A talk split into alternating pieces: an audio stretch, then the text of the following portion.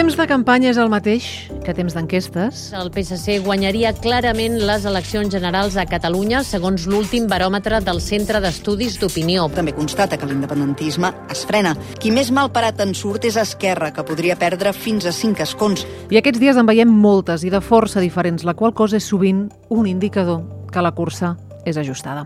Però darrere dels grans titulars dels guanyadors i perdedors dels hemicicles diversos, les enquestes deixen moltes altres dades. Quina mascota tenen els votants dels diferents partits? Quin percentatge de catalans sap qui és el president de la Generalitat? I fora de la política, per posar només un exemple, quin és el plat preferit de la majoria de catalans? Soc la Carla Torró i avui a l'Ara preguntes friquis i respostes sorprenents a la cara B de les enquestes.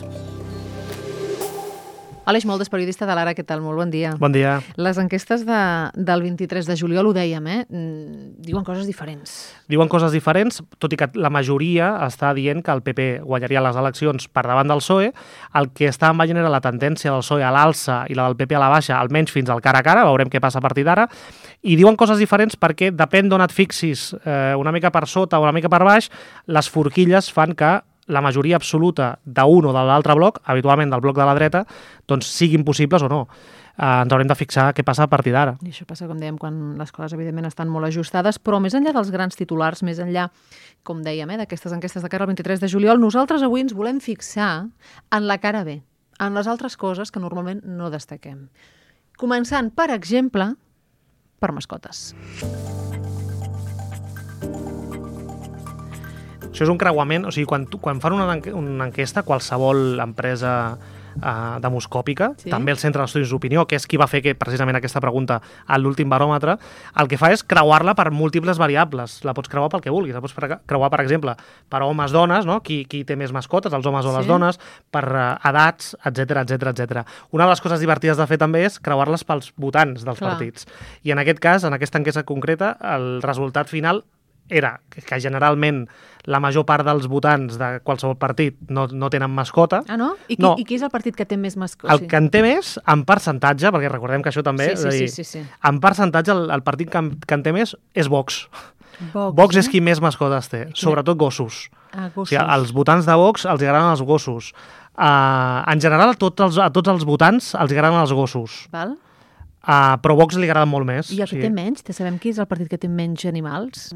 Els comuns són el, els votants dels comuns són els que tenen menys animals de companyia, però els que proporcionalment tenen més gats. Bé, Més enllà d'aquests dos partits concrets que, que es diferencien més de la resta, la resta similar. Això preguntava el CEO, no? Eh, Sí. CEO, que és el Centre d'Estudis d'Opinió, què, eh, per tant... També lo del plat favorit eh, dels catalans, també era una pregunta de l'any passat, o de fa uns mesos, que va fer el, el CEO, I quin és? uh, és la paella. La paella és el La paella i la fideuà és el segon. Hi havia una altra pregunta, que era uh, quin creu vostè que és el plat més tradicional o més típic de la cuina catalana? I aquí ja Ai. abandonàvem la fideuà i la I paella. tu què diries? Jo ja ho sé la resposta. Ah, la jo te la faig a tu. Qui, quina diries tu que seria? I diria escudella. Doncs és l'escudella. És escudella, eh? L'escudella és el plat que els catalans pensen que és el més tradicional de la cuina és que catalana. m'encanta. Sí, sí. Alguna dada més del CEO? Per exemple, la que tu deies, et faré només una pregunta a tu també per veure si l'encertes, que era una de les que deien uh, en aquesta de desconeixement o coneixement perquè fa els polítics. Val. Hi havia una pregunta que més enllà del president de la Generalitat o del cap de l'oposició, que aquesta en principi sí que la sabries, Això ho sabria. I la majoria de la gent la sabia o no? i la majoria de gent no la sabia. En sèrio? un 45% només sap qui és, o sigui, el nom del president de la Generalitat, sigui, el 45% sap que es diu Pere Aragonès i el 20% sap que el cap de l'oposició a Catalunya es diu Salvador Illa. Mhm. Són dades que s'allunyen bastant del que probablement ells volguessin que, Sí, que fos segur. la realitat. En tot cas, hi havia una altra, que Mhm. era múltiple resposta. Jo intentaré fer-te-la sense la múltiple resposta, tot i que la feien. Com es diu la presidenta de la Comissió Europea? Úrsula von der Leyen. Val, doncs el 49% l'encertava, però perquè hi havia quatre opcions. Les quatre opcions eren Ursula von der Leyen, Angela Merkel, Jean-Claude Juncker, Mario Draghi. Eren les quatre opcions que posava el CEO. Eh, bé, o sigui, és, és difícil, per molta gent és difícil. O molta gent no està connectat en el Clar. dia a dia de les institucions, no només europees, també catalanes, com acabem de dir amb el president de la Generalitat. Això pel que fa al CEO. I el CIS? El CIS, que és un, una, una empresa que no acostuma a preguntar per la monarquia, per exemple, Mhm. que seria una de les coses que, que se li demanen. Per exemple, el 2018 eh, va fer una enquesta en la qual volia saber els hàbits eh, religiosos dels espanyols. O sigui, qui va a missa... Qui va a missa? De fet, la pregunta directa era aquesta. Quan cada quan va a missa vostè? En aquella, eh, quin percentatge diries que va a missa cada dia, per exemple? Cada, o cada dia, diumenge, cada, cada diumenge. Uh, el 62% va dir que mai, que no anava a missa mai. Val, això s'acosta... És que t'hagués dit... Et queda el 38% Val. per decidir. Jo, a risc d'equivocar-me molt, entre el 15 i el 20. Una mica per sota, el 13%, però bueno, el 13% de persones que cada diumenge va a missa. O Això sigui, el un de cada 2018. 10 espanyols va cada diumenge a missa. Exacte, més o menys, aproximadament. Però d'altres preguntes, per exemple, que no són habituals, no són tan polítiques, eh, són molt importants. Per exemple, una de les que el sí s'ha fet habitualment Mm. mm. és sobre la depressió. Quanta gent ha estat deprimida o s'ha sentit deprimida? I quin percentatge va sortir? Això, eh, en un 15% dels espanyols diu que sovint eh, s'ha sentit deprimit i un 30% que en alguna ocasió, és a dir, un 45% Clar. gairebé un de cada dues persones s'ha sentit deprimit en alguna ocasió. Per tant, són xifres elevades Mm. i ja veiem que amb el tema de les malalties mentals és una de les coses a les quals incidir i enquestes com aquesta doncs, poden servir per fer-ho. Mm -hmm. I del 6 cap a Europa, l'organisme equiparable seria Eurostat, no podríem dir? Eurostat seria l'organisme públic Mhm. eh, de la Unió Europea que, que fa les enquestes o estudis diversos, eh, no només demoscòpics, també estadístics. Eh, Eurostat fa similar, preguntes similars a tots els països europeus per intentar entendre les diferències que hi ha entre uns i altres. Mhm. A mi una de les enquestes que m'agrada més d'Eurostat, el que passa que no s'acostuma a fer des de fa molts anys, per exemple, l'última vegada que es va fer a Espanya va ser el 2010, d'altres països en tenen de més recents, és uh, la de l'ús del temps, és a dir, uh, s'agafa o es demana als encastats que de les seves 24 hores diguin quantes destinen a, diversos, a diverses qüestions, Mhm. dormir, treballar, oci, etc. Llavors ells fan el seu mapa diari de les 24 hores. Això s'agafa a la mitjana de cada país, fins i tot també s'acostuma a fer uh, les diferències que dèiem abans, homes-dones, per exemple, Ah, per saber les diferències, i aquesta és la principal, la de principal interès per saber al detall, per exemple, quina és la diferència principal entre homes i dones en el seu dia a dia. I sorpresa, aquesta sí. No m'ho preguntes i m'hi jugo jo el que vulguis. Les dones dediquen més hores a les tasques de la llar. Uh, més del doble. Uh, les dones dediquen 4 hores de mitjana, al 2010, recordem, i els homes dedicaven aleshores una hora 50. Uh, en què va en detriment d'això? No va en detriment de les hores de son, per exemple, ni tampoc, o una mica menys, de les hores de feina, però molt poc, sinó que bàsicament del temps lliure. Els homes, gràcies a haver de dedicar menys temps a les tasques de la llar, tenen més estona per dedicar al temps lliure. Explicades les, aquests, aquests titulars de CO6 i, i Eurostat. Em deies que hi ha un parell més que volies destacar que fan enquestes i que han fet preguntes d'aquestes que tenen gràcia. Em vull destacar dos més perquè es diferencien molt del tipus d'enquesta habitual, que Mhm. és que truques o vas o demanes directament a les preguntes a persones aleatòries o, o amb una mostra que, que defineixes prèviament, que són els, les enquestes, o sigui, les empreses que es dediquen a formar panels, Mm -hmm.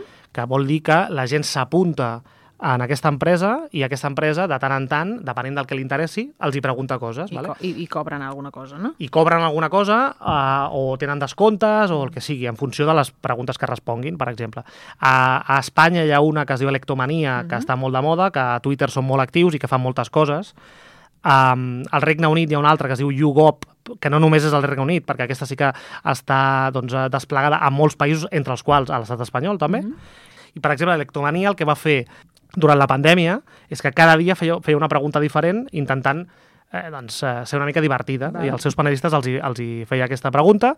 Eh, jo en vull destacar dos, una de les quals és um, a qui prefereix vostè, a Belén, així en general, a Belén Esteban o a Carles Puigdemont, um, amb el resultat que eh, a Espanya no hi havia cap mena de dubte i eh, Carles Puigdemont era el favorit. Carles Puigdemont era el favorit. No.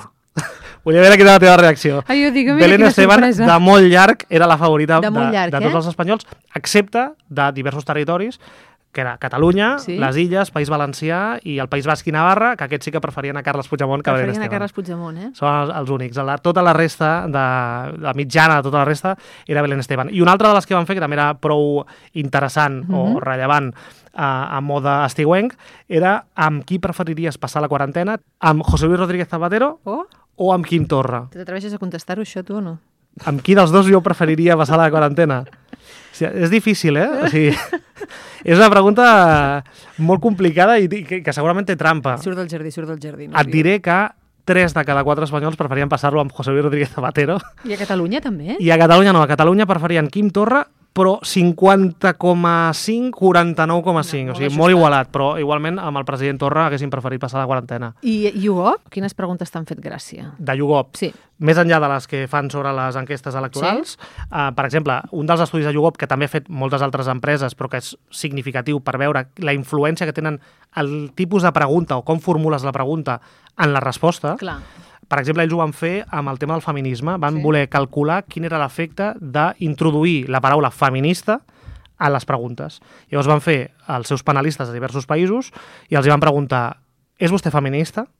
El resultat era, per exemple, destacaré tres països dels grans d'Europa, a Espanya el 48% deia que sí, a França el 33% i a Alemanya només el 15%, quan els deien si vostè és feminista. Era una enquesta del 2015. Mm. Després canviaven aquesta pregunta i a una altra part del panel li deien Uh, li explicaven què volia dir feminista. Una definició de feminista és algú que pensa com a homes i dones han de tenir els mateixos drets, oportunitats, etc. És vostè feminista?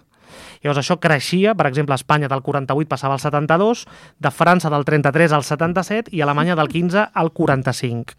I encara feien una altra pregunta en la qual simplement no feien servir feminista i feien la definició. Uh, vostè creu que els homes i les dones han de tenir igualtat d'oportunitats, drets, etc etc. Alemanya, que la teníem al 45 a l'anterior, ja estava al 83 en aquesta. França també el 83 i Espanya el 89. Per tant, l'efecte d'introduir la paraula feminista feia que molta gent es fes enrere a l'hora de respondre. Alguna altra dada de YouGov? Jo en destaco dues perquè són especialment divertides. Uh, per exemple, amb el tema de les dutxes, tenia en compte que... El, aquesta és important, eh? Amb el canvi climàtic, una de les qüestions que s'està posant sobre la taula és dutxar-te menys estona per gastar menys aigua o no tenir-la tan calenta. Els més reacis de tot a la Unió Europea a fer-ho són els britànics. El 44% diu que ni de broma eh, es dutxarà menys estona o amb aigua més freda eh, a canvi d'intentar tenir una factura elèctrica més adequada a la seva butxaca i també al medi ambient. Però això es va fer quan estaven a la, a la Unió Europea, en canvi, encara? Quan o... encara estaven a la Unió Europea, sí, perquè és una enquesta eh, prèvia al Brexit. Val. En tot cas, encara se'n fan, eh? és igual, encara que no estiguin a la Unió Europea, eh, YouGov fa enquestes a I- i són- Austràlia, ja, a ja, Xina o a altres I països. són reacis. Una altra de les preguntes, em sembla una de les que enllacen millor amb la de les mascotes que em deies al principi, veure. és que directament preguntaven quin és el gos, quina és la seva raça de gos preferida. Jo sóc una persona inexperta absolutament en gossos, no tinc ni idea de les races, però tu em sabries intentar dir quina és la raça preferida dels britànics, també en aquest cas? No sé. Un labrador retriever. Això és el preferit. Ah, perquè és, són uns típics. Els Labrador britànics. retriever seguits dels border collie Ah, perquè són maquíssims. i dels golden retriever. Em sembla que Sí. el retriever deu ser com una cosa que, que deu tirar molt a les persones que tenen mascota. I els menys preferits, o sigui, els menys Ah. estimats pels britànics, Que els chihuahuas. els chihuahuas són els tercers menys estimats dels britànics, però hi ha uns que es diuen el xinès crestat nan, que són molt lletjos, que dedueixo que per això no els estimen, Clar. però són els que, els que aquests directament diuen que no, que no els volen tenir a casa. Pobres, els lletjos també se'ls ha d'estimar. Eh, Aleix Moldes, la cara B de les enquestes, gràcies per haver passat avui. A tu, seguirem, seguirem ara a partir d'ara veient a veure com evolucionen les que realment tenen algun tipus de sentit. A veure què passa el 23 de juliol, gràcies. A tu. Gerard Esbrí, a la tècnica Alba Home a la producció. Jo sóc la Carla Torró, això és avui a l'Ara. Gràcies per ser a l'altra banda.